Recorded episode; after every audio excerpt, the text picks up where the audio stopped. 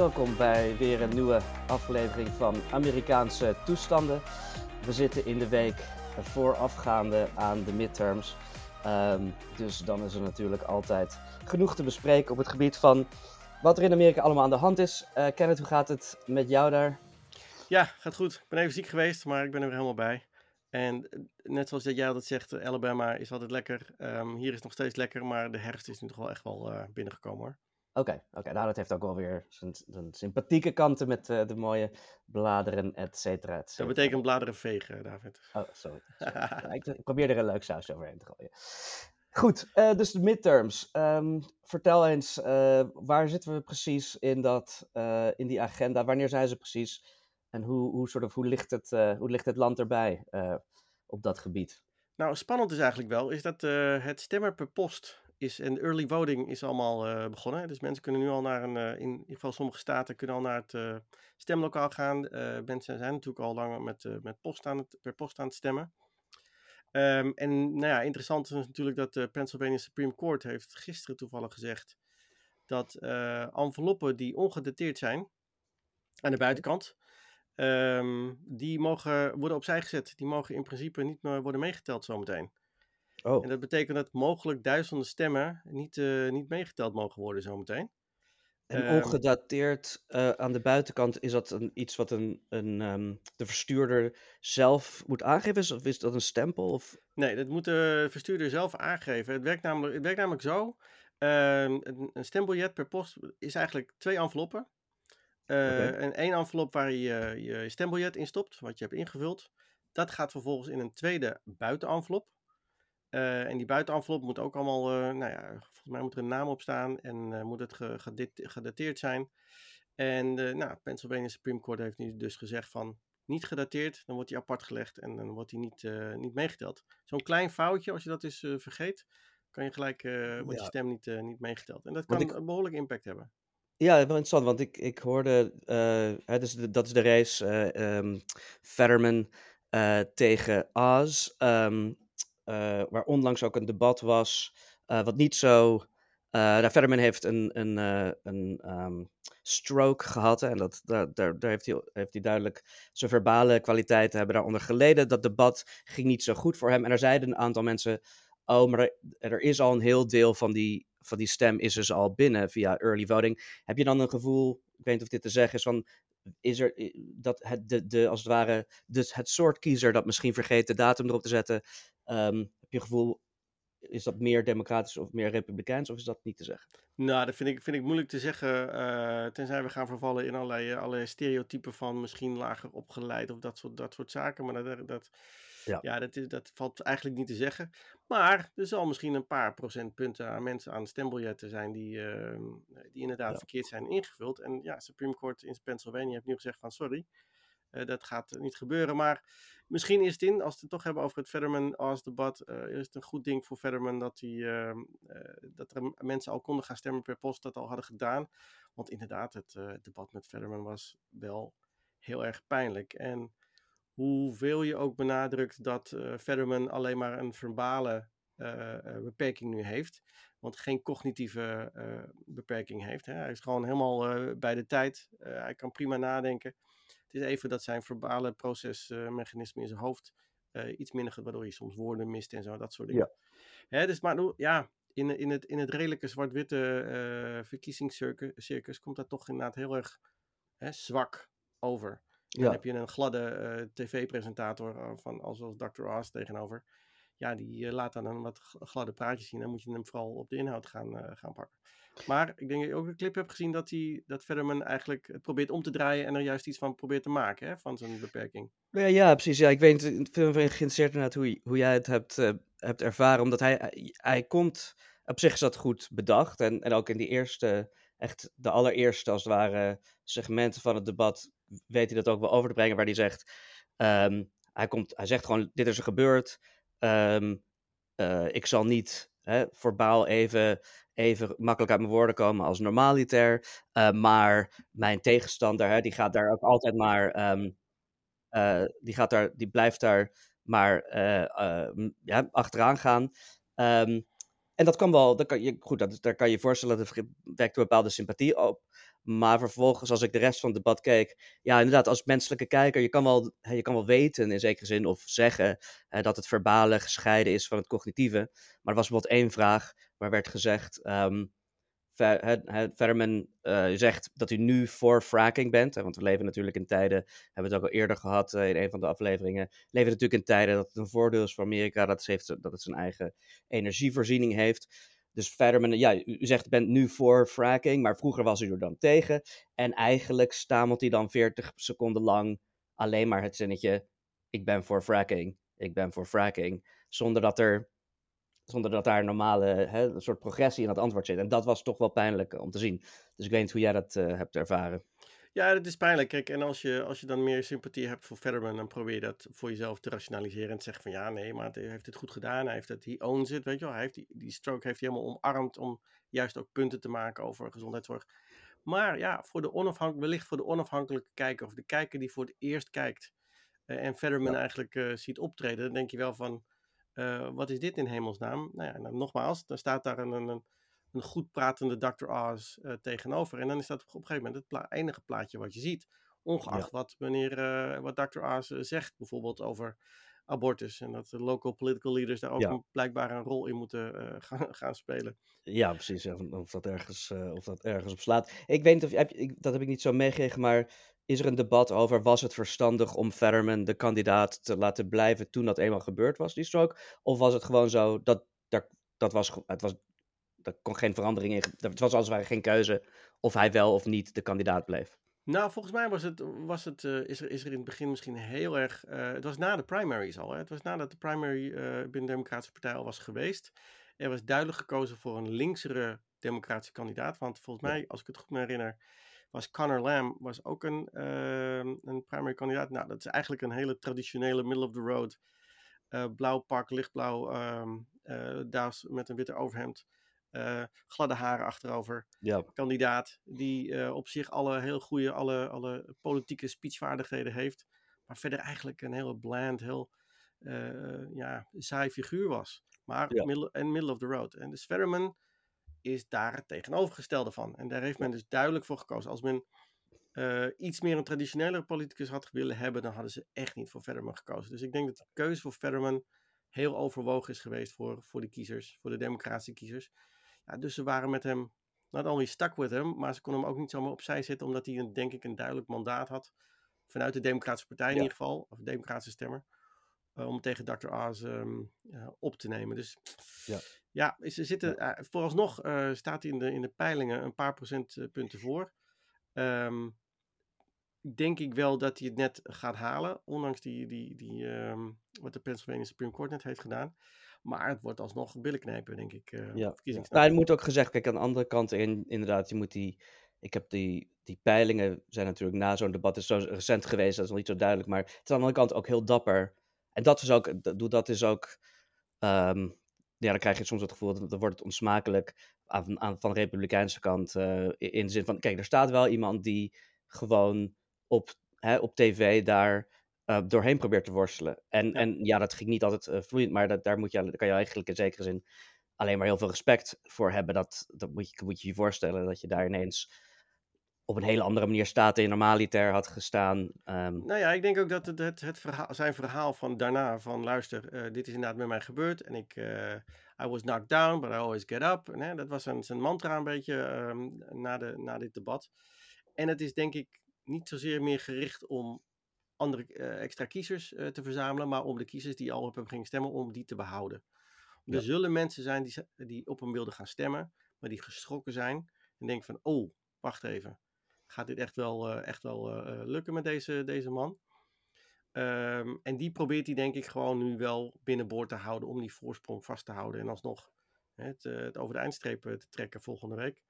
Um, dus daar, mm, ik maak me eigenlijk niet zo heel veel zorgen over, over zijn race. Oké, okay. nou we gaan dat zien. Heb je nog, zijn er nog andere interessante verhalen in de, misschien een soort meer landelijke dynamiek of, of hoe Georgia, Georgia was, is ook natuurlijk een staat waarin uh, er allerlei rare dingen uh, aan de hand zijn. Hoe dat er, heb je dat, zijn er nog dingen nou, die er is, er is ook, uh, als we het toch via, via clipjes bespreken, er is een, um, een clipje van een, een, een, zwarte pastoor die een, een preek houdt. een enorm sterke clipje is dat. Ehm, niet alleen vanuit het is een, ja, wat we kennen, een soort een, een, zwarte preek met heel veel met ritme erin en heel sterke, uh, sterke stem, sterke, sterk verhaal. Maar ehm, wat hij daarin, iets substantieels wat hij in die preek als het ware had, is dat Herschel Walker is nou is precies de onderdanige zwarte stereotype die de blanken graag willen zien. Mhm. Hij is een, de manier waarop hij praat, hè, want het, Mhm. het is grammaticaal allemaal niet in orde. Hij slikt zijn woorden in, hij slikt zijn letters in. Uh, dat klopt, wat ik zeg, klopt allemaal grammaticaal niet. Hij is een beetje de, het stereotype van de, van de, van de zwarte man die uh, sympathie opwekt uh, bij, bij de, de witte man, omdat hij ongevaarlijk is. Omdat hij een karikatuur is. Ja. Oh, het, is de, het is net de, de, net, de net bevrijde slaaf die nog vastzit aan zijn, aan zijn, uh, aan zijn eigenaar. yes, massa, no massa. Weet je. En dat soort, uh, dat soort vragen. En dat had ik nog nooit, ik had het zelf in mijn gedachten, maar ik had het nooit zo kunnen verwoorden. Maar dit, het is inderdaad ja. precies wat deze pastoor zei. Dit is de zwarte man die de witte man eigenlijk graag ziet. Onderdanig. Um, nou ja, die taal die erbij hoort. Ik, ik zou mensen adviseren om proberen dat clipje uh, te zoeken. Misschien in mijn timeline uh, ja. op Twitter. Um, en die zag ook bijvoorbeeld uh, Senator Graham, die ging naast hem zitten.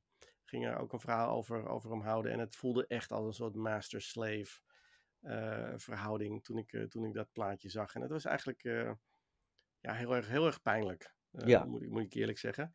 En je hebt ook heel erg het gevoel dat, dat Herschel Walker gewoon wordt gebruikt. Hij weet zelf niet hoe die wordt gebruikt.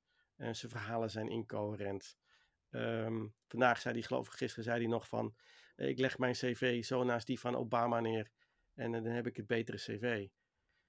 Hmm. Ja. Twee ja. termijnen president, Emmy-winnaar, Pulitzer-winnaar, ja. Nobelprijs voor de Vrede, ja. Oscar-winnaar. Nou ja, eh, dus dat, dat zijn allemaal belachelijke, belachelijke zaken. En hij, ook hij heeft trouwens geprobeerd om te, te, te double down op bepaalde dingen waardoor hij in het nieuws kwam. Hè? Met die, die uh, politie-badge die hij omhoog hield tijdens het debat. Uh, nou, dan gaat hij daar nu ook juist mee koketteren. Gaat hij ook koketteren, gaat hij ook sheriffs erbij halen. Laat zien, zie wel, ik heb law enforcement aan mijn, aan, aan mijn kant en zo. Um, dus dat, het, wordt, het wordt eigenlijk steeds pijnlijker in Georgia. En het nog meest pijnlijke is, is dat ze gewoon bijna nek aan nek zijn in de peilingen. Ja, want je kan natuurlijk ook wel, want dat, dat, dat, dat um, is natuurlijk moeilijk aan te voelen, maar je hebt wel vaak, weet je, bij, de, bij het soort, um, uh, bij het soort beelden of, of, of zoals een soort talking points, wat enorm aanspreekt bij sommige mensen. Dat je natuurlijk zeker ook inderdaad in, Twitter. Uh, dat, dat, zijn, dat zijn ook dan indrukwekkende, indrukwekkende soort van manieren om dat te zeggen. Je kan je afvragen natuurlijk. Um, het spreekt aan bij een bepaald. Dat hele jaar, hele discours. Over.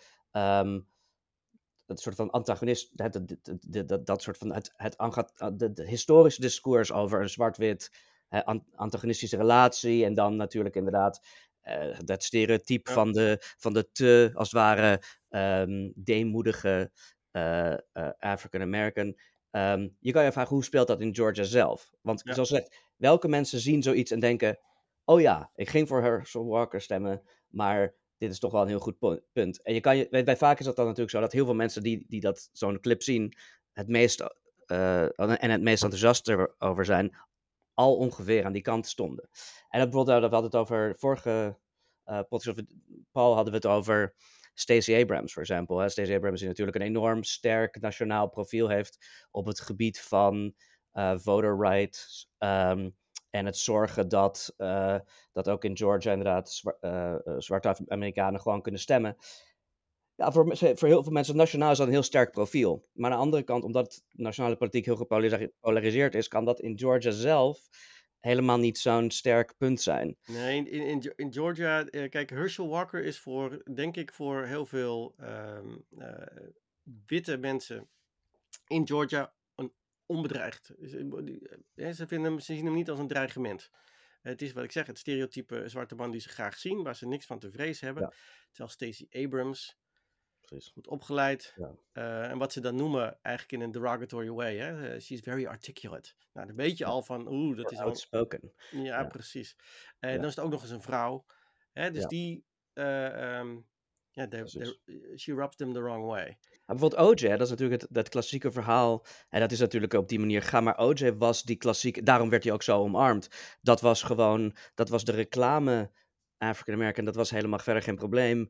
Uh, die, dat, dat, dat, kon hem ook niet zoveel schelen allemaal, zolang het maar om OJ ging. En dat, daar, daar zit wel een electoraal, althans in zeer brede zin, populair iets achter. Omdat het inderdaad makkelijk is voor heel veel groepen mensen om te denken, ah ja, dat is toch ook onge... Dan zijn we een beetje progressief, maar ook niet, ook niet met al die klachten en zo. Want dat hoeft voor mij ook nog Nou, om het, maar om het negatief te zijn, om het, om het uh, negatief te zeggen en een beetje gemeen te zeggen, die witte mensen die dan denken van, oké, ehm, we, we, stemmen op een zwarte man, maar hij is niet bedreigend, uh, niet zo uppity, hè, als, uh, als een Stacey, Stacey Abrams, niet al te brutaal.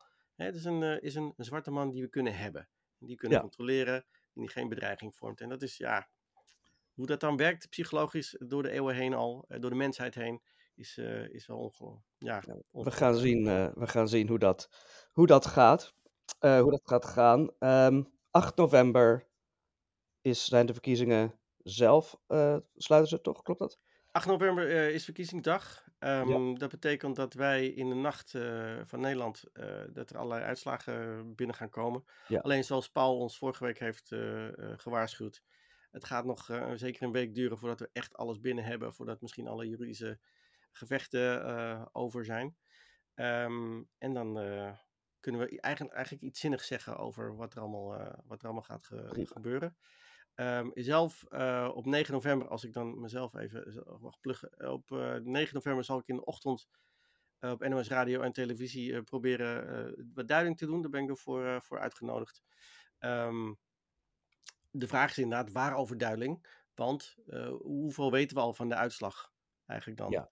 Hè? Dus, ja. Uh, nou ja, goed, kijk, als, je, als je al één, uh, laten we zeggen, één, één of twee van die echt, uh, die, die, die races die een beetje de mood uh, van het gebeuren aangeven, als ja. daar iets over duidelijk, dan kan het interessant zijn. Ja, ik dacht, ik wil nog, ik dacht, nu we nog voor die, voor die datum zitten, is het misschien nog wel leuk om, we hebben één keer, dus hè, we hebben het over Pennsylvania in detail gehad, we hebben het enigszins nu net ook over Georgia gehad. Ik dacht, laten we er nog eentje uitpikken. Um, laten we even naar Ohio kijken. Ja, wie kijkt er nou tegenwoordig naar Ohio? Ik Ohio, kijk... wat is Ohio? David, ja, vertel het dat ons. Is, uh, dat is een. Uh, het is zelfs interessant genoeg. Dat, dat, er zit wel iets dieps in wat je zegt. Zelfs als het ware binnen de, de Amerikaanse beleving. Uh, staat Ohio in zekere zin voor een soort lege plek. Um, er, maar goed, laat, laat, ik, laat ik er wat meer over zeggen. Dus eerst eventjes de, de, de race zelf. Ohio zullen sommige mensen misschien wel van gehoord hebben, die, die race. Omdat het gaat tussen.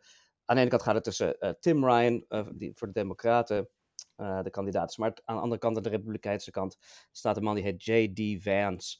En J.D. Vance um, is, heeft een bepaalde nationale bekendheid gekregen, eigenlijk na Trumps verkiezing. Omdat hij.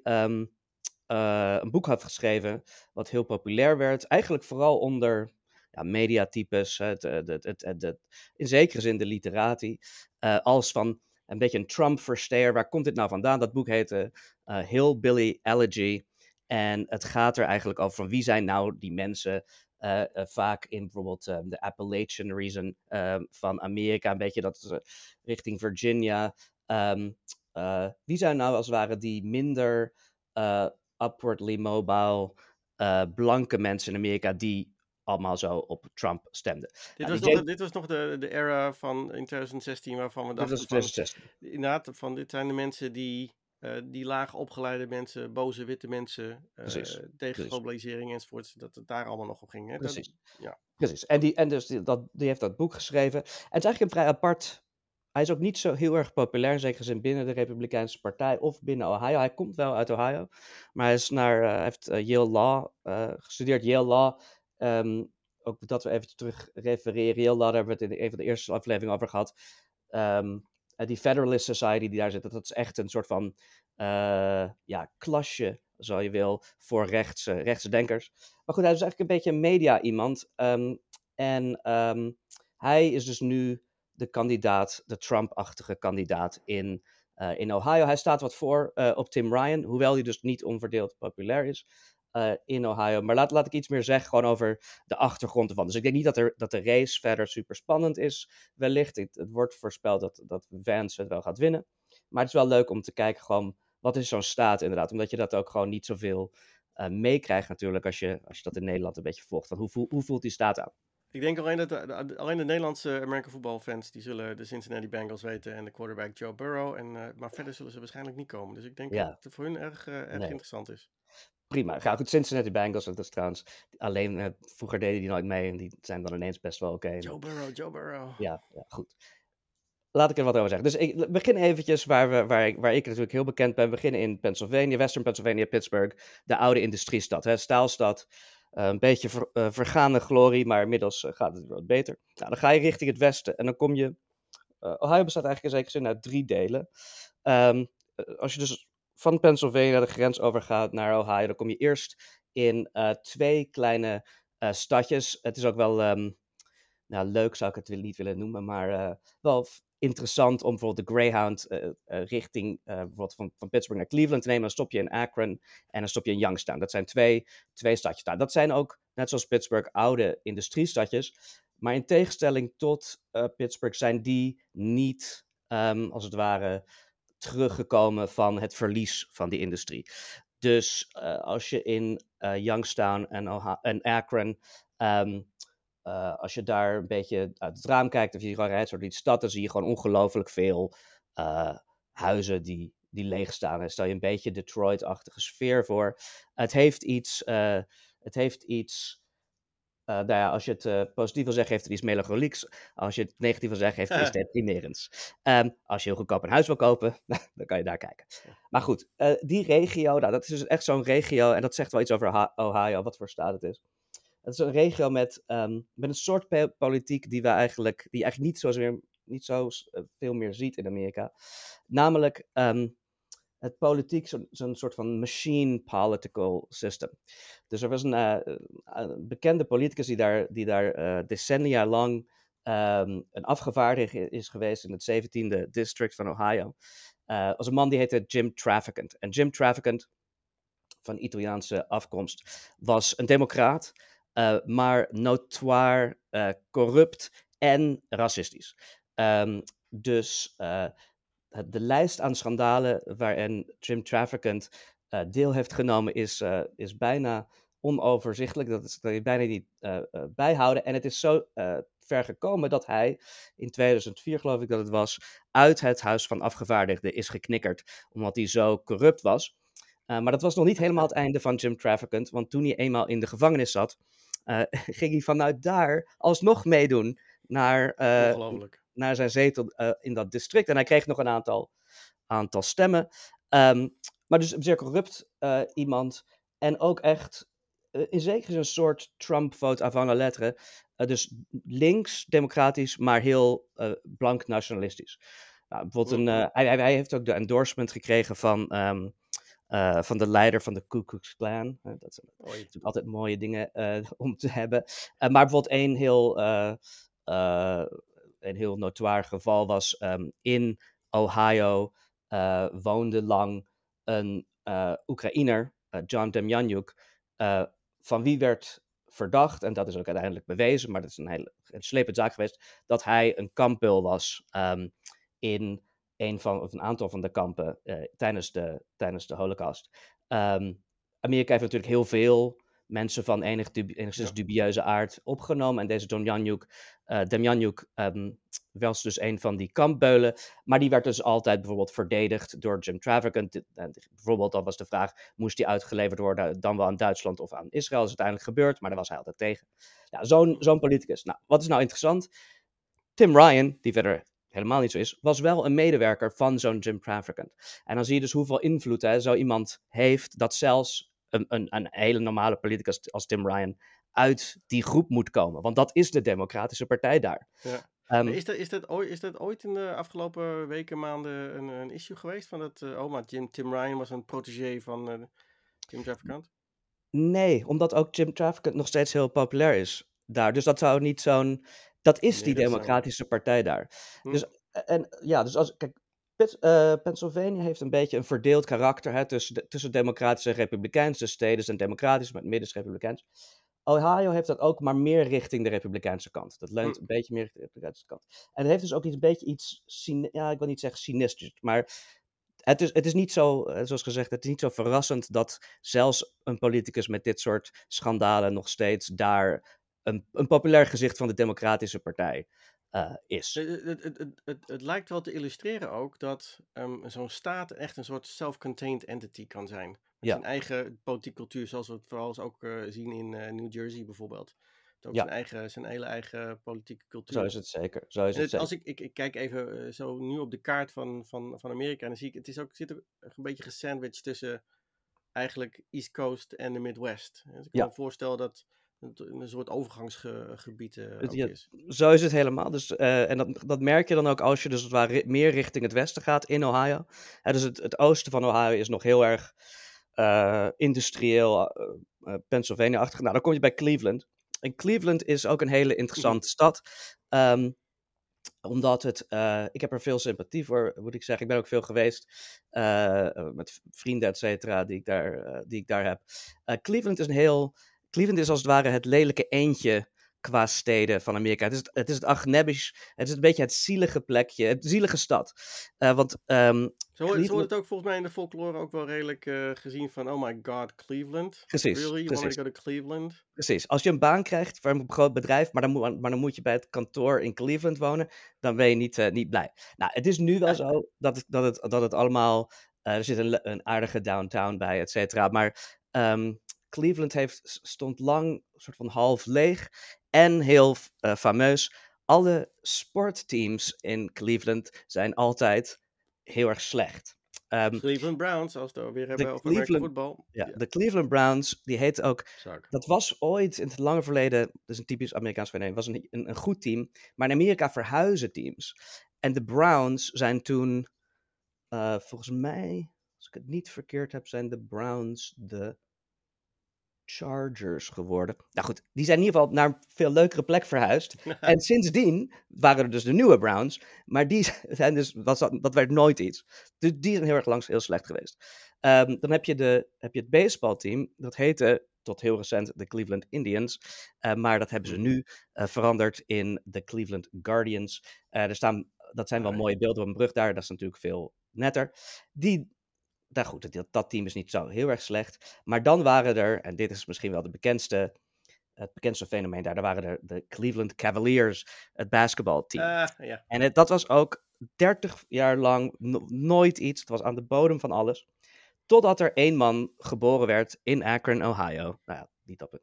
LeBron James. En LeBron James, uh, daar kan je heel veel over zeggen, maar goed, in een aantal perioden bij, die, bij dat team heeft hij uiteindelijk met de Cavaliers um, de nationale titel gewonnen. Nou, dat was in Cleveland een gebeurtenis. Ik ben erbij geweest, daar kan je niet. Dat was ongelooflijk. Er hangt een gigantische poster van LeBron James uh, over het grootste gebouw. Dat is als het toch een soort van het vrijheidsbeeld van Cleveland is LeBron James. um, ik zou, als, hij, als hij burgemeester zou willen worden van Cleveland, dan zou hij het ook gewoon morgen zijn, laten we zo zeggen. Ja. Nou goed, dat is dus Cleveland. inderdaad zo'n, zo'n uh, dus de, de, de, de trots en de identiteit van zo'n stad, omdat het niks anders heeft, moet het hebben van LeBron oh, James ja. en, en het sportje. Precies, precies. Ja, echt. En dat is zo, omdat dat in, in, de, in die decennia van verlies zat gewoon dat hele agnebische karakter van die stad uh, gebo- uh, ja, verstopt. En toen ze dan uiteindelijk die overwinning wel boekten, was het ook een enorme ontlading. Goed, ik vind het nu een leuke stad, maar um, heel veel mensen zijn dat niet zo met mij eens. Nou, ga je dan nog meer naar het westen, dan kom je echt inderdaad in meer soort van, um, uh, weet je wel, uh, sweet home, family, Midwest life. En dan kom je bij steden zoals um, Dayton en Cincinnati. En, uh, nou goed, hartstikke sympathiek. Er is een Nederlands voetbalteam trouwens in Dayton. Nederlandse, oh. Het heet de Dayton Dutch Lions. Dat is op een gegeven moment opgezet door een aantal Nederlanders. Hm. Dat er, maar dat speelt verder niet zo belangrijke rol. Maar dan heb je bijvoorbeeld over cultuur zoals er in Cincinnati hebben ze een, um, een als het ware een nationaal gerecht. Dat is het gerecht van Cincinnati. En dat is spaghetti met tomatensaus, met chili, weet je, chili con carne eroverheen, ja. met rauwe ui en rauwe kaas. Oi. Ja, precies. Oh, oh, ik, probeer het, e, ik probeer het even voor de, voor de geest te halen, maar... Het is, een, het is je nachtmerrie. Um, maar heel Midwestern. Heel Midwestern. Als, ik, ik kan me voorstellen dat je daar in diep harte winter, dat je daar een, een, een, als je één bordje eet, dat je daar een week op moet teren, kan teren. Ja, ja, ja, precies. Ja, heel, weet je, de, vroeger kwamen dan de, hè, de, de niet, uh, niet bijzonder culinair uh, begaafde, uh, beetje, beetje Duitse arbeiders. Ja, die, dat geeft calorieën. Maar goed, dat is een beetje het saaie deel van, de, van die staat dus. Maar het is, het is een boeiende staat in de zin dat het dus... Um, ja, het is, ook in zijn leegte staat het wel voor iets wat er in Amerika aan de hand is. En dat heeft ook dus bijvoorbeeld ook. Het is ook niet zo heel, niet zo heel toevallig dat zo'n J.D. Vance daar hè, met die Hillbilly Elegy uiteindelijk dus zijn politieke carrière maakt. Er mm. zit wel iets in dat idee dat er iets in die, in die een beetje naargeestige leegte van zo'n staat zit, waaruit fenomenen als Trump komen. Waar ik, waar ik, in, in, als je het hebt over verkiezingstijd en verkiezingstermen, dan, dan uh, werd er altijd, uh, werd Youngstown, Ohio, al, altijd gezien als het voorbeeld van de plek waar uh, industrie is verlaten, het, het, ja. de teleurgang van de Amerikaanse maakindustrie. Inderdaad, wat ik zeg, als je daar in ieder geval de beelden ziet, zijn volgens mij uh, talloze documentaires en boeken over geschreven over de verlaten roestige staalfabriek die daar, uh, die daar waarschijnlijk staat. Ja. Um, en men, als men dus wilde horen hoe het in het Heartland, in, het, in de Midwest, um, hoe men daar voelde, daar ging men naar Youngstown. Ja. Uh, altijd heen, alsof dat de enige plek in Amerika was. Waar dat aan de hand is. Waar, de, waar het aan de hand was. Ja. Dus dat, uh, nou ja, Youngstown, eh, ja. Maar eh, wordt er niet ook gezegd, of ben ik nu in de war met een andere staat, dat uh, men zegt van ja, as goes Ohio, goes the nation? Ja. Is dat niet uh, de uitspraak? Dat is inderdaad dus... zo. Omdat het dus, ja, Pennsylvania, al, ja, Pennsylvania, als Pennsylvania rood is, nou, dan ben je klaar. Als Pennsylvania, ja. dan, is het, dan weten we het. Maar Pennsylvania is meestal blauw. En dan is het de vraag, is Ohio ook blauw of is het rood? En als het dan rood is, dan is het inderdaad vaak uh, toch nog uh, dat de Republikeinen winnen. Natuurlijk zijn er in recentelijke verkiezingen ja, zuidelijke staten zoals Georgia zijn ineens in play. Dat verandert die hele kaart. Maar traditioneel is dat inderdaad zo. George, de, Ohio zijn staten die George W. Bush won. dat ja. zijn. Ehm, ja. Nou ja, en dan toch dat zo'n zo'n toch enigszins gladde, glad figuur als, ehm, als J.D. Vance, die eerst Trump uitkotste uh, nu opeens een groot Trump-aanhanger is. Uh, en wat je zei, heel Billy uh, schreef en precies wist hoe het allemaal zat in de heartland van, van Amerika. Maar inderdaad, wat je zegt, hij ging naar Yale. Volgens mij werd hij ook op een gegeven moment investmentbanker. ja, ja. Geloof ik.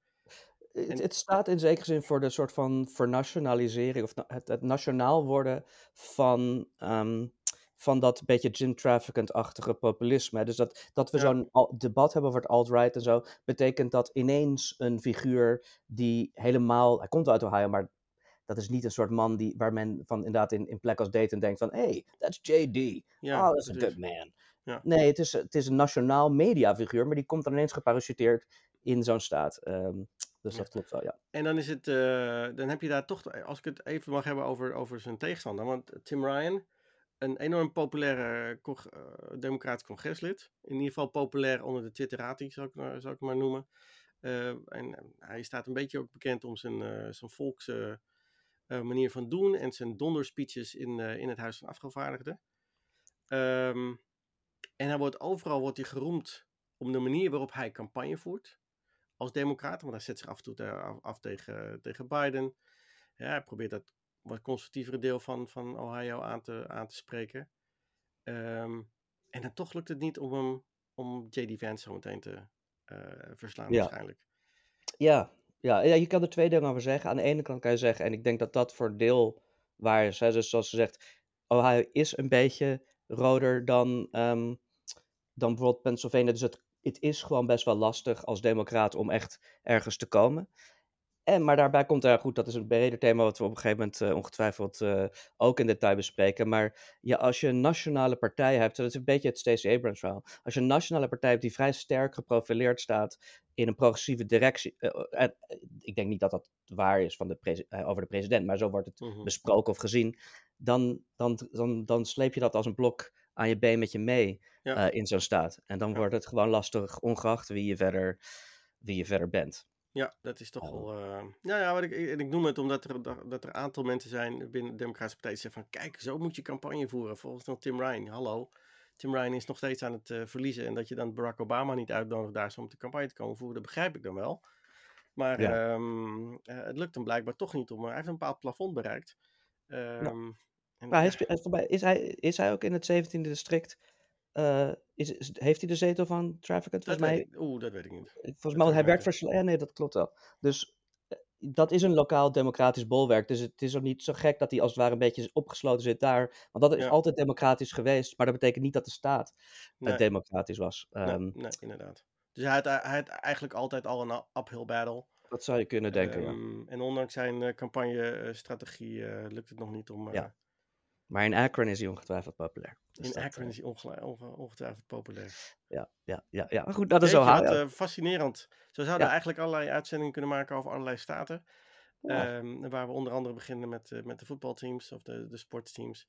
Oh ja, ik Eh, moet nog één ding, even, even nog één laatste addendum, één, want dat mag natuurlijk niet vergeten worden, dat het echte hart, dit is heel typisch Amerikaans en ook als je bijvoorbeeld als Europeaan dan in, in Amerika op reis bent, is het goed om te weten, het echte hart van Ohio is Columbus, Ohio, want daar speelt Ohio State, het eh, grote voetbalteam van de universiteit daar, ehm, de Buckeyes. Nou, dat is waar het echt om gaat in Ohio. Eh, De politiek is hartstikke leuk en aardig, dat, interesseert niemand. Al, zeker als Ohio State tegen Michigan speelt, de Michigan Mm. Wolverines, dat is de grote eh, rivalry daar. We hebben het er al een keer over gehad, David, maar dat gaan we dus een keer doen. Gaan we het hebben over, ehm, over de sportcultuur eh, in Amerika en wat dat, hoe, hoeveel dat behelst en, en hoe, dat het nog een stuk verder gaat eigenlijk dan, eh, dan een, eh, bijvoorbeeld een Ajax-Feyenoord eh, rivaliteit of de identiteit van Ajax met Amsterdam en hoe het dan zit in Amerika. Ik, heb altijd nou, inderdaad al het gevoel gehad dat dat een stukje, een stukje verder gaat dan... Nou, dan zeker Nederland. dat het dus ook verbonden is met de universiteiten. Dat is Ja. iets wat wij ons niet ons voor kunnen stellen. Nee, precies. Absoluut. Dus, dus de universiteit mag arm zijn, maar de sportfaciliteiten zijn die, eh, picobello in orde. dat, eh, Daar gaan we het een keertje eh, rustig over. doen we dat. Maar ik denk dat we het nu misschien moeten hebben over nog iets wat van groot belang is, wat er op het moment aan de hand is. En, en daar, daar ben jij als een met eagle eyes op gericht natuurlijk. Ja. Wat gebeurt er allemaal aan het Hoge Rechtshof? Nou ja, eigenlijk, hebben, eigenlijk is, het, is het een soort universiteitsverhaal natuurlijk ook. Of het is helemaal een universiteitsverhaal waar we het een klein beetje net over hadden. Ehm, en dat is dat af- afgelopen maandag, eh, oktober, 31 oktober op Halloween, eh, het Hooggerechtshof heeft gesproken over affirmative action. Hè, het gaat over het toelatingssysteem en toelatingseisen eh, bij de universiteit. In dit geval ehm, de Universiteit van North Carolina en Harvard College. Ehm, en de vraag is eigenlijk, is het systeem van wat zij dan noemen affirmative action, is dat nog, ehm, kan dat wel? Eigenlijk is de vraag van, vindt dit conservatief het Hof het misschien nu wel eens tijd om eh, dat hele affirmative action eh, weg te doen? Nou, wat is eigenlijk eh, affirmative action? Ehm, je kan het vertalen naar Nederland als zijnde positieve discriminatie, maar daarmee doe je het eigenlijk geen recht aan. Ehm, in Nederland hebben wij positieve discriminatie. Hè? Je ziet het wel eens bij de advertenties voor, voor banen. Dat er staat bij gelijke geschiktheid geven wij de voorkeur aan een vrouw, een etnische minderheid enzovoort. Nou, eh, dat is vaak in de, op basis van de wet eh, ehm, Algemene Wet Gelijke Behandeling. Nou, ik denk dat je het met me eens bent, David. Dat zou ondenkbaar zijn in de VS. Dat je dat zo, ehm, eh, zo adverteert. Ehm, en affirmative action is dan eigenlijk ook niet positieve discriminatie. Het is eigenlijk, de vraag is eigenlijk alleen al van mag je ras in dit geval überhaupt meenemen in je lijst van 40 eisen die je hebt eh, voor, een, eh, voor een mogelijke toekomstige student. Mag je dat überhaupt meenemen? Want, zo zeggen de, in dit geval de, de, de Students for Fair Admission, eh, die onder andere ook eh, de Asian American community vertegenwoordigen, ehm, die zeggen van ja, maar het is een, eh, het is een ongelijke behandeling, want eh, African Americans krijgen op deze manier alsnog eh, voorrang. En dat is een eh, schending van 14th Amendment, Equal Protection of the Law ehm, en Title VI van de, van de Civil Rights eh, Action. Je mag geen onderscheid maken, gewoon geen, geen enkele onderscheid maken eh, op basis van ras. En nou, wat ik zeg al, in Nederland zou je dat gewoon kunnen, kunnen doen, bij gelijke geschiktheid weliswaar. Ehm, en in Amerika is het dus bij deze universiteiten op basis van de jurisprudentie van, van het Hof, ehm, mag je ras meenemen als een factor in je hele uh, complexe systeem, je hele eisenpakket. Het kunnen 40 eisen zijn. Um, en de jurisprudentie zegt dan mag het, mag het wel. Als je een, en dat is dan het woord wat je heel vaak tegenkwam, uh, wat je heel vaak hoorde tijdens deze hoorzitting uh, van de universiteiten. Ja, we hebben een holistic review uh, van elke ja. kandidaat in een individual en een case-by-case basis. Maar ras blijft daar een van de, een van de factoren bij, waar soms punten aan worden gegeven. Um, nou, het gaat, eh, de presidenten die zijn nog van deze eeuw. Met name Grutter versus Bollinger, Gratz versus Bollinger, Fisher. Die namen, die, die, die, die zaken die kwamen allemaal voorbij. En het raamwerk waarin nu deze affirmative action is gegoten, is als, is als volgt. Um, nou ja, zodra je onderscheid gaat maken in ras, op basis van ras, dan moet het Hof een standaard toepassen. En de standaard heet strict scrutiny. Dat is de meest stringente standaard die je kan, kan hanteren. Um, en in dit geval moet de public school, hè, want North Carolina is een public school, die moet dan aantonen dat student body diversity, hè, dus diversiteit van de studentpopulatie, dat dat een, een compelling state interest is. is een, hè, de staat heeft er belang bij dat er, een, dat er diversiteit is onder de studentpopulatie, um, want uh, zo gaat het argument, dus een diverse studentenpopulatie geeft uh, allerlei onderwijskundige voordelen. Hè? Dus eigenlijk is het een heel sociologisch argument. als we allemaal, ehm, als de, gemeenschap divers is, komen we met elkaar in aanraking, zien we elkaar zienswijze, elkaar cultuur, elkaar gewoontes, verschillende, wat ik zeg, verschillende zienswijzen van politiek tot andere dingen. Um, en daarmee als, als, als land, als gemeenschap, dan groeien wij en dan op een gegeven moment dan is die hele rassendiscriminatie uh, zou dan op een gegeven moment uh, weg moeten zijn. Ja, maar, maar eventjes, dat, ja. dat vind ik wel grappig. Althans, ik, we komen later wel met mijn, mijn eigen. Ik heb, ik heb natuurlijk, uh, van, omdat ik natuurlijk in universiteiten werk, een bepaalde ervaring mee. Maar dit is wel even interessant. Um, wat voor zover ik het begrijp, is dat het traditionele argument voor affirmative action is niet uh, het, uh, het in, het al, in, in, in het algemeen divers samenstellen van een populatie. Want dan kan, dan kan je natuurlijk allerlei dingen zeggen. Het kan divers zijn op basis van etniciteit, maar het kan divers zijn op basis van. Uh, je, kan, kan divers zijn geografisch. Je kan zeggen het kan divers mm -hmm, zijn uh, familiestructuur. Um, en ook is het natuurlijk zo dat als het gaat om diversiteit, wij noemen dat vaak zo, um, zeker ook in Europa, omdat we natuurlijk niet, of in Nederland hebben we het over, niet hetzelfde, uh, niet, niet, dezelfde geschiedenis precies hebben zoals Amerika. Kijk, diversiteit ja. gaat niet specifiek meer om African Americans dan het gaat om, uh, weet ik wat, wie dan ook, hè, voor Portugezen. Maar voor zover ik het begrijp, maar dan goed, correct me if I'm wrong, het traditionele argument voor affirmative action is niet zozeer dat het divers moet zijn, maar dat er een specifieke geschiedenis is en een specifieke ja. um, history of uh, injustice, of hoe je het mag zeggen, of marginalization, en dat, het, dat daar een correctie op dient gemaakt te worden. En dat is dus specifiek op die groepen die dat verleden hebben en niet we moeten zoveel mogelijk Portugees of, of, of hè, er ja. zijn niet genoeg uh, Finnen op onze universiteit. Nou ja, maar dat, dat zijn zulke, eigenlijk zulke expliciete argumenten, uh, of in ieder geval het argument zo expliciet noemen, dat druist toch al, al snel in tegen de, tegen de uh, 14th Amendment mensen die zeggen van ja, ho, ho, maar het is equal protection, we moeten iedereen gelijk behandelen. Dus je moet daar eigenlijk een argument een laag bovenop gooien en zeggen van ja, maar het is belangrijk om een diverse populatie te hebben inderdaad, ik denk David, je hebt helemaal gelijk. En dan kom ik misschien meteen, zo meteen ook nog wel uh, op als ik uh, kijk naar hoe, het, hoe de hoorzitting is, uh, is, is gelopen. Er zit natuurlijk achter inderdaad het argument van ja, maar deze, um, we moeten met name African Americans, moeten we, die zijn un underrepresented minority, dat is dan de term, hè, een ondervertegenwoordigde minderheid, die moeten we ervoor zorgen dat die beter vertegenwoordigd wordt of meer vertegenwoordigd wordt, zodat het een, een duidelijk goede afspiegeling is van en ook van, van de maatschappij. ja, en niet, zozeer, niet alleen omdat, ze geen goede afspiegeling, omdat het geen goede afspiegeling is, maar omdat die specifieke groep uh, de natuurlijke deelname is onthouden voor ja. eindeloos lang. Ja, uh, en de Finnen, uh, goed, weet je, stel er zijn geen Finnen, ja, ja dan, weet ik, dan, kunnen we de Finnen misschien zelf verzorgen. Maar maar goed, ga, ga, verder. Nou ja, maar het argument is dan ook van, bijvoorbeeld van de, want dit komt ook uit de Asian American community, van de Asian American studenten, die zeggen van ja, maar um, wij, omdat ras wordt meegenomen in deze hele admissions circus, um, worden wij nu juist achtergesteld. Ja. Zij, zeggen van, zij zeggen van, admissions is een zero-sum game. Als er een African American wordt toegelaten vanwege zijn ras, hè, weliswaar in een holistic, review en dan een individual basis, maar dat nog, het effect daarvan is dat er minder Asian Americans uh, um, kunnen worden uh, toegelaten, ondanks het feit dat ze misschien iets betere cijfers hebben, enzovoort, enzovoort. Een beetje uh, nou ja, extracurricular activities.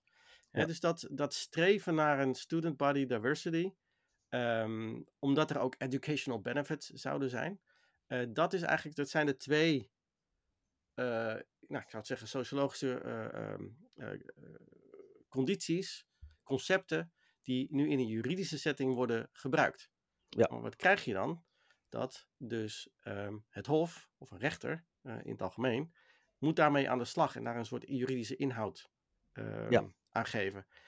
En dat is natuurlijk heel glad ijs, denk ik, voor, een, uh, voor de rechter. Ja, mag je misschien nog even, voordat we, voordat we, hè, ik vind het heel, uh, het is het, allereerst laten we eventjes duidelijk zijn, het is een enorm, uh, we hebben het eerder gehad, dus dit zijn enorm grote thema's, dit zijn thema's waar het al decennia over gaat, er is een hele literatuur over, dus dat het nu hè, voor het hof ligt, is, um, is dat is uh, van groot eh, van groot geschied, ja, historisch belang. Uh, dus, dat, dus ik ben enorm benieuwd welke richting het op gaat. Maar om even iets meer. Want er zitten een aantal dingen aan, denk ik, die in de specifieke Amerikaanse setting, die bijvoorbeeld in Nederland heel anders beleefd zullen worden. En, en waar men ook niet zo bekend mee is, denk ik. Dus, nou goed, ik, ik, ik werk natuurlijk aan de universiteit en ik solliciteer bij verschillende, verschillende universiteiten. Ik heb hier gesolliciteerd. En, in Amerika zijn er, zoals men misschien wel weet, zijn enorm veel universiteiten. En je, dus je, uh, je, je solliciteert vaak um, heel veel.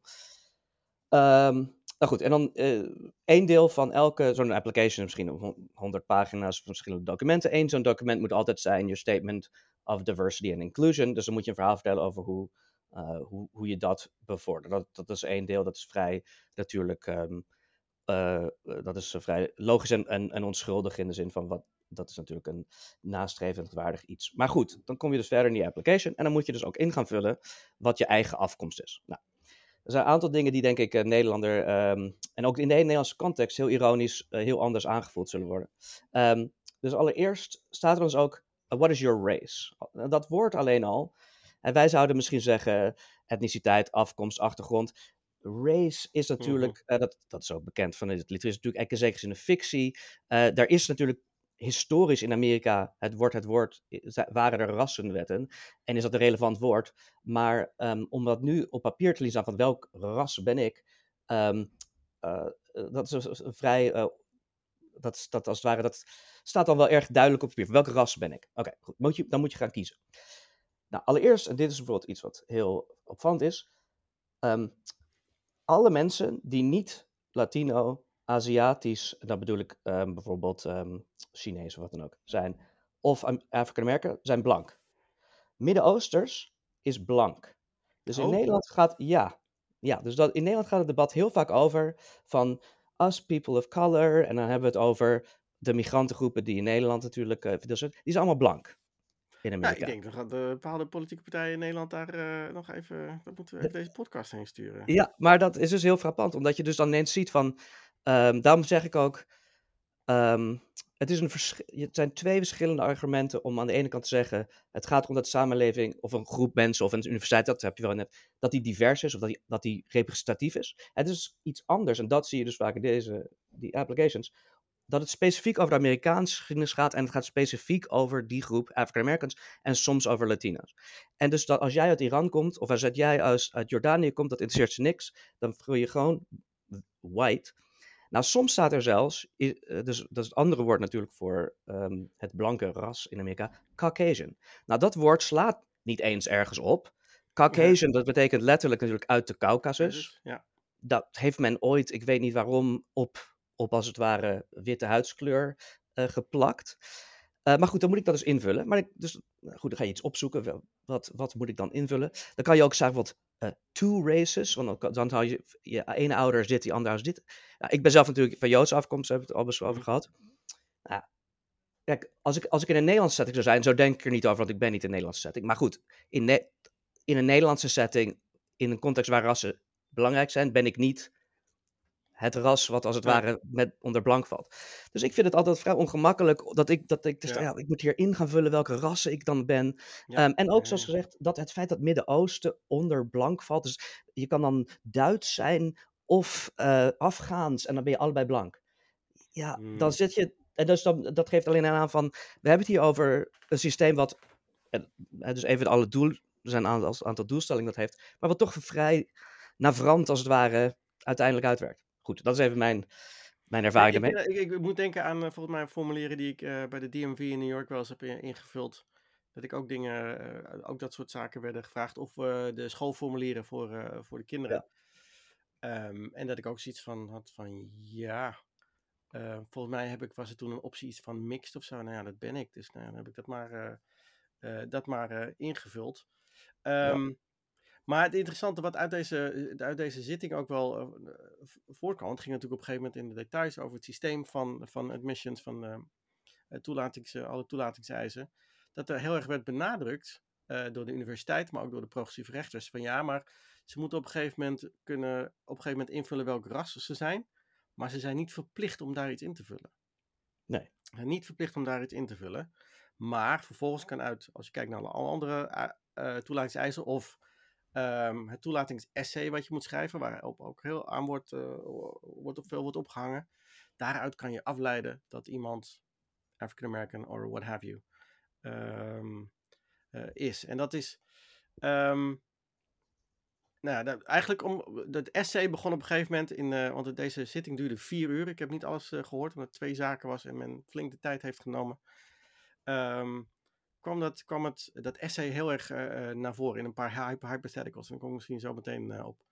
Maar wat interessant nou was, um, want de, de, conservatieve rechters die waren gespind heel duidelijk op het afschaffen van affirmative action. Ja. Zoals het kent. Hè, dit systeem uh, zit nu al een aantal jaren. er moet een holistic review zijn. En als het maar een holistic review is, dan mag ras mee worden genomen als, als een van de factoren, zolang het maar niet de doorslaggevende factor is. Maar ja, hoe weet je dat nou eigenlijk? Hè? Of het een doorslaggevend factor is. Maar dan krijg je een rechter als Judge Thomas, die ooit in de originele uh, zaak uh, in, uh, van Grutter versus Ballinger al een dissenting opinion had geschreven. Zo van ja, dit is belachelijk. En hij, dat, het is it's only aesthetics, heeft, heeft Justice Thomas het dan over. Die vraagt dan bijvoorbeeld, ja, maar wat is, wat is dan, wat is diversiteit eigenlijk? Ik weet niet eens wat het betekent. Of, um, ja, maar kan je maar vertellen wat precies dan de educational benefits zijn? Uh, van dat we een gebalanceerd en diverse uh, studentenpopulatie uh, hebben. En dan ging ze vragen over, ja, maar is niet elke, elke um, noemen van ras, is dat niet al een schending van de 14th Amendment, Equal Protection, Title VI enzovoort? En daar komt dus heel duidelijk weer in, doordat deze mensen, deze conservatieve rechters in ieder geval streven naar een kleurenblinde maatschappij, of in ieder geval een kleurenblind uh, rechtssysteem, waar de meritocratie zegeviert. Hè? Met andere woorden, het oude, oude Amerikaanse ideaal van als je maar goed je best doet, maakt niet uit waar je vandaan komt, iedereen heeft een kans en dan kom je hoger, uh, kom je hoger op. En dat zie je dat uh, die blik op, op ras, of het niet willen meenemen van ras, nou, dat zie je ook bijvoorbeeld in een zaak zoals de Shelby County versus Holder, waar het ging om de Voting Rights Act, dat Justice Roberts eigenlijk ook zei van, joh, uh, het valt allemaal wel mee tegenwoordig met rassendiscriminatie. Of in een andere zaak, heb ik al in een andere aflevering ook genoemd, uh, de zaak Parents Involved, waar Roberts dus gewoon zei van ja, uh, if we want to stop racial discrimination, we need to stop discriminating on the basis of race. Ze willen er gewoon, ze willen dat gewoon, ze willen op geen enkele manier dan wel positieve discriminatie, dan wel negatieve discriminatie, dat willen ze gewoon niet niet zien eigenlijk. Wil het systeem willen ze kleurenblind laten uh, functioneren. Maar hier nog een belangrijk element uit die eerdere zaak, die Grutter versus Ballinger zaak. Daar zei de conservatieve rechter Sandra Day O'Connor, die de, die de opinie schreef, um, over 25 jaar, dan kunnen we verder zien. Misschien dat het over 25 jaar is opgelost. 2028 in de berekening, dan zouden we misschien wel geen affirmative action meer nodig hebben. Dus de rechters begonnen te vragen eigenlijk van ja, maar wanneer is het nou, wanneer is het eigenlijk klaar? Wanneer hebben we dit niet meer nodig? Wanneer is er voldoende diversiteit? Wat is die endpoint? Um, en hoe ga je daar in hemelsnaam op antwoorden? Als zijn de, de advocaat van. je zit al ehm, in, een, in een hele gevoelige, gevoelige sociologische context waar moet je gaan bepalen van ja, uh, ik vind dat als er x procent uh, van de studentpopulatie African American is en zoveel procent Asian American, dan vind ik het voldoende divers. Oh, maar wacht even, ik, maar ik mag die helemaal niet werken met quota's en met percentages. Ja. dus ik moet op een, blijkbaar moet ik op een, een of andere manier, op een soort organische manier, moet ik diversiteit gaan bereiken. Waarvan ik op een gegeven moment kan zeggen van oké, we hebben nu diversiteit bereikt. We kunnen het systeem waarin we ras meenemen als een van de factoren, kunnen we nu afschaffen. Ja, ja. Um, ja, nee, dat, ik bedoel, het, het is natuurlijk, het is als het ware theoretisch al zo'n lastige kwestie. En, om, en, en, dan, en dan moet er wet gemaakt worden, en waar je natuurlijk in zekere zin sowieso met een vrij botte bijl houdt. Dus dat, dat is natuurlijk enorm lastig. Ja, mijn gevoel. Nou goed, ik geef dus dit soort onderwerpen, omdat ik, ik geef ook mijn business ethics onder andere. Ehm, en komen dit soort onderwerpen ook wel ter sprake. Uh, ja, en mijn gevoel is dus dat. Ik vind het. Eh, zoals ik al eerder zei, van ik vind het sterkste. Het, voor mijn gevoel is het sterkste argument dat. Um, wat je, het, het, thema van systemic racism. Mhm. Van, het is niet zo dat we, uh, in Amerika zijn er allerlei groepen. Het is niet zo dat al die groepen historisch gezien op dezelfde manier achter zijn gesteld. Nou, dan is de vraag, er is natuurlijk een specifieke groep die zo achter is gesteld. Ja. African Americans. Dan is de vraag, hoe lang, hoeveel cultureel en economisch kapitaal is hen ontnomen, dat dat als het ware, hoe, hoe lang werkt dat door historisch? Ja. En als je daar naar dat specifieke thema kijkt, dan denk ik, heb ik het gevoel van, dan kun je vrij duidelijk zeggen, het is nog niet hersteld. Het is niet zo dat als ik nu als het ware een muntje opgooi en um, uh, kop uh, ga, nee, ben ik willekeurig een, een, een African American iemand, wit, uh, munt ben ik willekeurig een blank iemand. Um, dat is nu even hè, mhm. hetzelfde. Nee, dat, die, die, die, die achter, dat, die, dat is zo'n diep onrecht geweest historisch, dat die groep specifiek nog steeds recht heeft uh, op, um, uh, op, op, op Eigenlijk een bepaalde vorm van. Een soort van remedial. remedial ja. Uh, en dat is dus niet per se diversiteit in de zin dat het. Het gaat niet dan om alle groepen. En, en met allerlei andere groepen kun je best meritocratisch. Maar deze specifieke groep, het is niet meritocratisch. En dus er is ook een beroemd filosofisch artikel over. Um, wat onder andere over deze zaken gaat. En daar werd ook gezegd van, het is niet meritocratisch als je eerst iemands benen breekt en dat je hem dan vraagt of hij een race gaat rennen. Ja, precies. Nou, het, eh, is, het, is, het is dit historische punt hè, dat, uh, dat progressieve rechters ook nu uh, mee kwamen. En zeker Justice Jackson, die, wat ik, dat, nou, dat is de nieuwe RBG, dat is de, echt de reizende ster van het Hoge Rechtshof, want die neemt geen blad voor de mond. Is heel brutaal, onderbreekt de Chief Justice. die gaat recht op haar doel af. Maar die proberen dus ook, en samen zeker met Justice Kagan, probeert Justice Jackson eigenlijk het, de, de heersende wind van originalism, hè, dus de, de historie en de traditie moeten bijgehaald worden, te zien wat de betekenis is van de grondwet, proberen ze nu eigenlijk te gaan gebruiken. En dus zei Justice Jackson, maar ho, wacht even. Als we kijken naar de bedoeling, naar de historie van de 14th Amendment, en alles wat er omheen tijdens Reconstruction is gebeurd, was het juist, werden er allerlei maatregelen genomen, juist om inderdaad uh, die achterstand die de nu ex-slaven hebben, om die proberen, dat gat uh, te proberen te dichten. Daar ging heel uh, eigenlijk Reconstruction over. En daar ging ook de backlash over. Uh, van, ja. van, van, de Reconstruction, waardoor we de Jim Crow laws krijgen. Hè, dus die, maar alleen dat argument daar, dat historische argument, daar willen de conservatieve rechters gewoon niet aan. Van er is onrecht aangedaan en dat, we, we zijn nog steeds bezig om dat onrecht te herstellen. Ja. En om het om helemaal in, maar in hyperbolische termen te zetten, we zijn nog steeds bezig uh, towards that perfect union. Hè, waar we, de, waar we na, naartoe moeten nog steeds. Ja. Ja. Uh, dus het is een eigen, het is een, ja, uh, de, de, ene, de rechters, de ene rechters hebben het over appels, de andere rechters hebben het over, over peren. Um, maar goed, dit is iets anders. Kijk, je kan, je kan zeggen, kijk, het is nu een heel conservatief hof.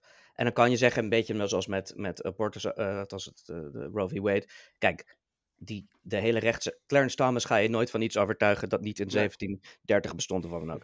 Um, maar dat je voor jezelf, hè, als aan de andere kant van de zaak staande, wel duidelijk hebt van dit is dit is het criterium, hier hebben we het over. En dan, ja, dan denk ik dat je dus inderdaad, dan vind ik het dus bijvoorbeeld ook niet zo, dan begrijp ik, dat, dat zou dan logisch zijn, als we zeggen, je bent African American, of niet, maar als je bijvoorbeeld, dan ben je, althans dan kunnen we dat white noemen, maar dan doet het ook inderdaad niet toe of je Italiaans bent of Turks of wat dan ook. Het is niet een soort spel van alle mensen op aarde. Uh, nee, het is een specifiek historisch voorval. En dat bestaat dan ook niet op elk, in elk land op dezelfde manier. Er moet ook gezegd worden, en dit is misschien iets wat, wat misschien handig, althans wat ik, wat je, waar je de progressieve kant van de zaak sowieso zou sterken, dat diezelfde universiteiten, nou ik weet, dit zou je ongetwijfeld ook langs zien komen, diezelfde universiteiten die dus die, die, die uh, dat beleid toepassen, um, bijvoorbeeld in Harvard, um, als je kijkt naar de witte populatie, de witte studenten die ze aannemen, 90% van de witte studenten zijn legacy. Um, uh, ja, dus dan, In, dan ineens zijn het niet die underprivileged uh, witte uh, studenten die er binnenkomen. En dan denk je, ja luister, als het je zo gaat om social justice, dan ook, ook, in je eigen groep. Dat onderwerp is ook zeker, is zeker ook besproken, niet alleen in de commentaren om deze zaak heen, maar ook in de zitting, zitting zelf. Want conservatieve rechters begonnen het, de, eigenlijk de motieven inderdaad van hele affirmative action in twijfel te trekken. Ook van, we hebben het hier over elite schools. Gaat het niet eigenlijk om een diverse studentenpopulatie in stand te houden, maar tegelijkertijd ook de elite status van deze school in stand te houden? Hè, dus dat daarmee, met dat soort argumenten, komt natuurlijk het hele historische verhaal over het historisch onrecht komt nog verder op de achtergrond uh, te staan. Uh, en dat is inderdaad, het is iets unieks voor, uh, voor Amerika. Um, het, het bijt ook eigenlijk dat, dat bijna radicale gelijkheidsdenken, wat de conservatieven nu gaan roepen van, nou, 14th Amendment, ja, je mag niet discrimineren op basis van ras.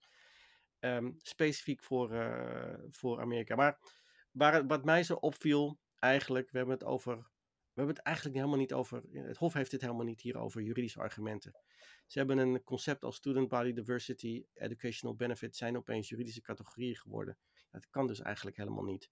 En dat geeft ook maar weer aan, weer een metapunt, dat uh, het Hoge Rechtshof eigenlijk te veel macht heeft om dit soort zaken te gaan uh, beslissen. Ja. ja. En je kan zeggen van nou laat het aan de staat over, laat het aan de federale overheid over, maar laat het alsjeblieft niet aan het uh, Hoge Rechtshof over als we het over zulke grote dingen eigenlijk, ehm, eigenlijk hebben. Ja, dus nou ja, mijn punt was, zijn dit de juiste vragen voor rechters om te beantwoorden? Hè? Ze focussen nu, nu heel erg op ras, maar ze focussen niet op racisme. En wat er, wat er nu nog gaande is, bijvoorbeeld. Ja. De, nou, er is een semantische... Er is ook een semantisch verschil tussen een ander concept uh, in, deze, in deze zaken. Namelijk, de, de, universiteiten hebben het over een critical mass. Hè? Binnen de uh, studentpopulatie moet er een critical mass zijn van diversiteit, als het ware, van, van uh, minderheden. Maar ja, in hoeverre, ik zei het eigenlijk al eerder, hoe, in hoeverre is dat anders van racial quotas? Hè? Gewoon ja. een quota, quota ja. systeem. Hè? Um, ja. Maar ook, er moet gekeken naar, zijn er alternatieve uh, uh, maatregelen die, die rasneutraal zijn? Ja, wanneer is iets, iets rasneutraal? Um, een van de mooie hypothetical, en daar ga ik het eigenlijk mee afsluiten, van de rechts is, is ook van Justice Jackson volgens mij, uh, en Justice Kagan Sotomayor, een van die drie, die zeiden van ja, oké, stel nou ras is niet meer een, een categorie. Je streept het niet aan, um, je noemt het niet, maar tegelijkertijd noem je het wel in je essay. Ik kom er weer bij dat, uh, dat, mooie, dat zo, oh zo belangrijke essay. Um, ja. Iemands identiteit wordt wel bepaald ook door, mede door zijn ras. Want iemand, een underprivileged ehm, black woman, die misschien, of een black man, die heeft meegemaakt meerdere keren dat hij door de politie aan de kant is gezet, alleen vanwege driving while black. Ja. Bijvoorbeeld, dat vormt iemand, dat vormt zo iemand. Of andere ervaringen die alleen maar een, een zwarte persoon kan hebben eigenlijk. Ja. ja. mag dat dan wel mogen worden meegenomen, ja of nee? Want het is bepaald eigenlijk door ras. Nou, zo kom je dus in een oneind, oneindig aantal hypothetische gevallen. waarbij ja. je nooit kan zeggen van ja, maar ras mogen kunnen we hier niet in meenemen. Ja. dus dat, het is een hele oneigenlijke discussie om, om een, voor een rechter om te hebben eigenlijk. Ja, het lijkt me inderdaad bizar ook om, om überhaupt te denken dat we het in een, in zo'n in een aantal zittingen kunnen uh, bepalen. Maar eventjes gewoon voor de, voor de, de bureaucratische administration. Heb je een idee van wanneer we hier een uitspraak over gaan krijgen? Um, is dat ik, al vrij aanstaande? Nou, dat zal, nee, dat zal denk ik in het, uh, in het uh, vroege voorjaar zijn. Ik gok in het vroege voorjaar, omdat ik denk dat de rechters er heel snel erover uit zijn. over, en dat ze iets gaan zeggen van dat ehm, er geen racisme meer is en dat het, dat het dit niet meer hoeft. En dat het op een natuurlijke wijze zal er nu diversiteit wel blijven bestaan of iets dergelijks. En in de, op een bepaalde manier geef ik ze ook geen ongelijk. Alleen al vanwege de oneigenlijke discussie die, dit, die dit oplevert. Dat ik denk van, um, moeten we het op deze kunstmatige manier, een holistic review van, uh, de, van de kandidaten, individual basis, maar toch stiekem willen we een critical mass aan diversiteit. Ik wil dit, eigenlijk wil ik dit gewoon uit, uit juridisch hoek hebben en meer naar de, de wetgevende hoek zou ik dat uh, willen hebben. Dus um, ik gok dat affirmative action dus de deur uitgaat uh, in het voorjaar. Er zal wel heel, um, heel hoepla van worden, worden gemaakt. Maar nogmaals, en daar begon ik eigenlijk mee. Affirmative action is niet positieve discriminatie Nederlandse stijl. Nee. Dat is echt wel even, even wat anders. Ja, en wat ik net noemde, gewoon dat je, als je, als je dus in Nederland, dat, goed, dat, ik vind het altijd frappant, omdat dit soort, dit soort debatten, nou goed, is een van de leuke dingen aan, zo, aan de podcast die we doen. En die debatten, die, die, die waaien een beetje vagelijk over van, van een Amerikaanse setting naar de praattafel, een een of andere ja. Jinek of wat dan ook. Maar als je dus, als jij dus, hè, dus men beseft dat helemaal niet, maar als, het dus, als je ditzelfde uh, als je dezelfde termen zou gebruiken en dus mensen van Noord-Afrikaanse en Midden-Oosterse afkomst zijn blank, dan, dat, dan, heb je de, dan, is, dan wordt het hele, het slaat nergens op in, in Nederland. Um, maar zo is het dus wel. En dus dan is het heel raar dat wij dus dan denken dat we aan hetzelfde debat bezig zijn, terwijl we eigenlijk, uh, ja, dat, dat, dat, is een heel andere context uh, waar we ja, hebben. absoluut. Nou, uh, we zijn weer heel bijgepraat over het, over het Hoge Rechtshof. Um, ik denk dat we gaan kijken wat het gaat worden eh, volgende week met de midterms. Het gaat uh, een hele spannende week worden, zoals ik al, uh, zoals ik al zei. Uh, zoals, ik, heb, ik heb het privilege om ja, ja. woensdagochtend op Radio TV enige duiding te mogen geven. Dus als je nog tips hebt straks over de e-mail, dan hou, ik me, hou ik me aanbevolen. Um, toevallig zit ik ook donderdag 10 november bij de John Adams Instituut als um, in het eh, panel om ook over te praten, samen met onder andere Casper Thomas. Weer een grote eer om daar uitgenodigd te worden.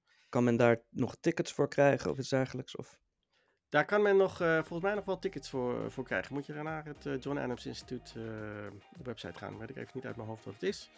Um, maar, en dat ga ik via Twitter doen, ik heb één kaartje beschikbaar. En die ga ik via Twitter weggeven. Leuk. Hartstikke leuk. Goed, nou, dan gaan we dat allemaal weer, dan gaan we je op tv zien. Hartstikke leuk. Et cetera. Oké, okay, goed. Dankjewel.